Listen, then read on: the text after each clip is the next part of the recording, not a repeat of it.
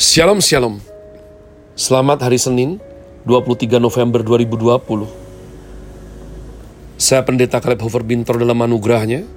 Harus bersandar pada anugerahnya. Kalau tidak, tidak mungkin bisa umat Tuhan. Sudah 9 tahun ya. Sehingga Grace Words ini boleh menolong saudara Boleh menemani saudara. Namun saya tetap bersikeras berdoa Jangan jadikan Grace Words ini sebagai pengganti. Waktu intim saudara bersama Tuhan engkau tetap harus memiliki hubungan ya, pengenalan yang real, yang mendalam. Sebab beliau adalah Bapa, adalah Tuhan, juru selamat kita yang hidup. Dan saudaraku merupakan suatu kerinduan bagi saya agar supaya kasih dan kuasa firman Tuhan itu sungguh boleh menggarap pola pikir kita. Makin hari makin tunduk kepada Kristus Yesus dan firman-Nya dan hidup kita ini boleh sungguh-sungguh suatu hidup yang bukan hanya omong kosong saja, tapi sungguh hidup yang terus berubah. Diubahkan oleh roh kudus sehingga makin Christ-likeness atau boleh seperti Tuhan Yesus sendiri. Masih dalam season winter dengan tema developing, Grace Word hari ini saya berikan judul Good Job bagian yang keempat. Kita sedang ada dalam kitab Ayub umat Tuhan sebagai disiplin membaca kitab suci hingga habis ya. Job di sini sekali lagi adalah job daripada Bapak Ayub. Maka langsung saja kita menuju kitab Ayub pasal yang keempat. Elifas menegur Ayub. Maka berbicaralah Elifas orang teman. Kesalkah engkau bila orang mencoba berbicara kepadamu?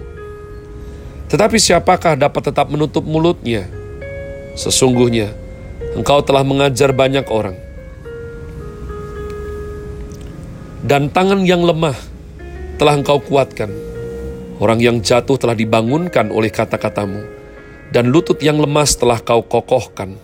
Tetapi sekarang dirimu yang tertimpa, dan engkau kesal, dirimu terkena, dan engkau terkejut. Bukankah takutmu akan Allah yang menjadi sandaranmu, dan kesalahan hidupmu menjadi pengharapanmu? Camkanlah ini, siapa binasa dengan tidak bersalah? Dan di manakah orang yang jujur dipunahkan? Yang telah kulihat ialah bahwa orang yang membajak kejahatan dan menabur kesusahan, ia menuainya juga. Mereka binasa oleh nafas Allah dan lenyap oleh hembusan hidungnya. Singa mengaum, singa meraung, patahlah gigi singa-singa muda singa binasa karena kekurangan mangsa, dan anak-anak singa betina bercerai-berai. Suatu perkataan telah disampaikan kepadaku dengan diam-diam, dan telingaku menangkap bisikannya. Waktu bermenung oleh sebab khayal malam, ketika tidur nyenyak menghinggapi orang, aku terkejut dan gentar, sehingga tulang-tulangku gemetar. Suatu roh melewati aku, tegaklah bulu romaku ia berhenti, tetapi rupanya tidak dapat ku kenal. Suatu sosok ada di depan mataku. Suara berbisik-bisik ku dengar. Mungkinkah seorang manusia benar di hadapan Allah? Mungkinkah seseorang tahir di hadapan penciptanya? Sesungguhnya, hamba-hambanya tidak dipercayainya. Malaikat-malaikatnya didapati tersesat. Lebih-lebih lagi mereka yang diam dalam pondok tanah liat, yang dasarnya dalam debu, yang mati terpijat seperti gigat. Di antara pagi dan petang mereka dihancurkan, dan tanpa dihiraukan mereka binasa untuk selama-lamanya. Bukankah kemah mereka dicabut? Mereka mati, tetapi tanpa hikmat. Umat Tuhan, kita belajar mengenai Ayub. Belajar dari Bapak Ayub adalah belajar mengenai penderitaan sumber penderitaan, sifat penderitaan, dan apa tujuannya umat Allah. Mengapa Allah yang baik, Bapa yang baik bahkan, mengizinkan penderitaan datang dalam kehidupan putra-putrinya. Dan apa yang dibangun melalui penderitaan. Setelah tujuh malam mereka berdiam diri, hanya duduk di atas tanah meratap, sebab begitu hebat daripada penderitaan Bapak Ayub. Maka Elifas menegur Ayub. Elifas orang Teman berbicara kepada Ayub. Umat Tuhan kau harus mengerti. Inilah kenapa firman Tuhan berkata, jangan bersandar pada kekuatan manusia. Sebab manusia itu betul-betul terkait dengan ratsionya. Dengan apa yang dilihat oleh matanya. Dengan apa yang dirasakan oleh sense atau feelingnya. Dan sangat-sangat terkait erat dengan pengalaman. Orang berkata bahwa pengalaman adalah guru yang terbaik. Belum tentu, ma Tuhan. Belum tentu. Saya melihat banyak orang berpengalaman tapi hidupnya gagal. Saya melihat orang yang jatuh di lubang yang sama ratusan kali tidak kunjung belajar. Pengalaman adalah guru yang baik, saya setuju. Namun bukan yang terbaik. Apa guru yang terbaik atau siapa guru yang terbaik? Firman Tuhanlah. Yesus Kristus Tuhan yang adalah sang hikmat itu sendiri adalah guru yang paling baik dalam kehidupan ini. Sehingga umat Tuhan ketika mereka sudah mulai angkat berbicara, maka ada sesuatu yang menggantung sekali. Maka Elifas berkata, kamu itu orang baik, takut akan Tuhan. Engkau banyak mengajar orang, tangan lemah engkau kuatkan. Jadi Ayub ini memang orang baik, orang saleh umat Tuhan. Dia banyak menolong orang. Dia banyak menghibur orang yang dalam penderitaan. Namun sekarang dia sendiri yang mengalaminya. Maka manusia wajar itu berkata pasti ada sebabnya. Umat Tuhan, di tengah kehidupan manusia yang suka membenarkan diri sendiri, di tengah kehidupan manusia yang selalu menyalahkan orang lain, di tengah kehidupan manusia yang rentan dan rapuh pola pikirnya sehingga banyak salahnya, maka sulit sekali.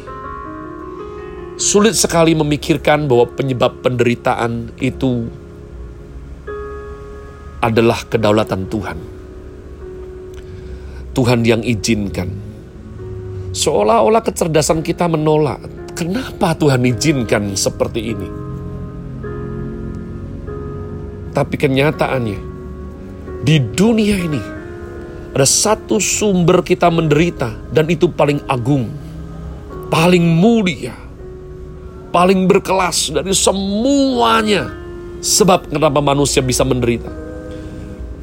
Nanti Rasul Petrus di akhir hidupnya menulis sesuatu yang bagus sekali. Apa anehnya jika kamu menderita dikarenakan kesalahanmu? dikarenakan kejahatanmu.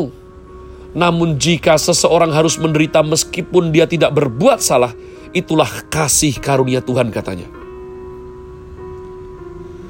Sehingga dia dianggap layak untuk menderita bersama Kristus Yesus sehingga dia boleh ambil bagian pada saat kemuliaannya dinyatakan. Jadi di dunia ini ada satu sumber alasan penyebab kenapa kita menderita. Dan itu bukan karena salah kita. Bukan karena kita ini tidak taat sama Tuhan, tidak sayang sama Tuhan. Justru karena saleh dan sayang Tuhan. Justru karena takut akan Tuhan, Ayub menderita. Nanti kita akan berbicara mengenai tujuan Tuhan di belakang namun kira-kira seperti ini umat Tuhan saya tutup Grace Word hari ini. Saya selalu ingat sekali kisah ini. Saya pernah ada dalam suatu titik keputusasaan dalam hidup saya, ya, karena ternyata saya ini suka sekolah. Ini sangat-sangat uh, kontradiksi.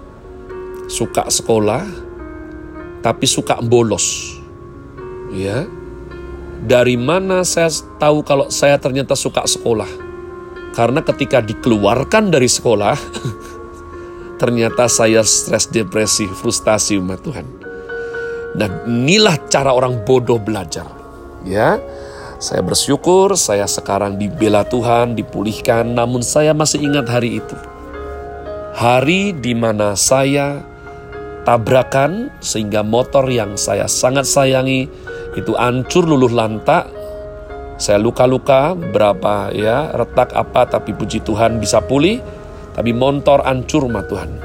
Lalu di hari yang dalam minggu yang yang sama saya juga dikeluarkan dari sekolah dan saya ingat sekali saya juga patah hati karena rupa-rupanya wanita yang saat itu menjadi kekasih saya itu berkhianat umat Tuhan. Pokok hari itu di tengah kedangkalan pola pikir saya yang bego ini, saya tiba-tiba berkoar, berbual bahwa hidup saya seperti Ayub. Ya, saya ingat sekali umat Tuhan. Pendeta yang baik itu tidak bahas aib orang lain, tapi aib diri sendiri. Saya berbicara, padahal saya jarang sekali baca firman Tuhan. Saya cuma dengar, saya sering kali tidur kalau di gereja kok. Tapi saya kira-kira ngerti kalau Simpson itu seperti apa.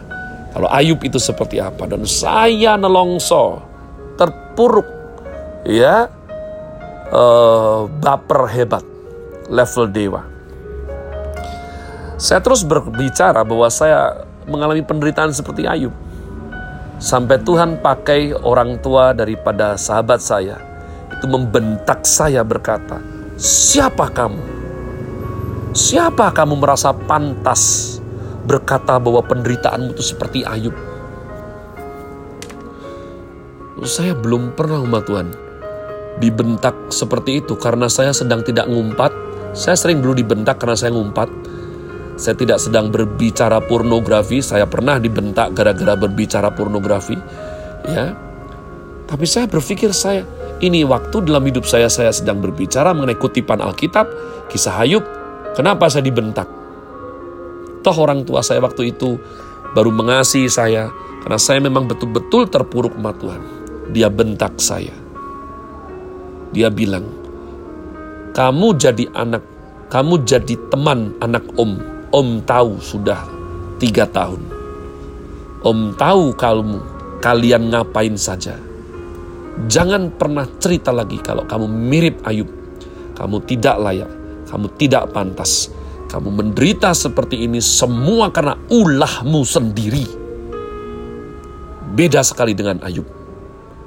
Baca lagi, jangan asal ngomong kamu. Ma Tuhan, saya percaya oleh karena roh kudus hari itu daripada saya ya tersinggung atau apa.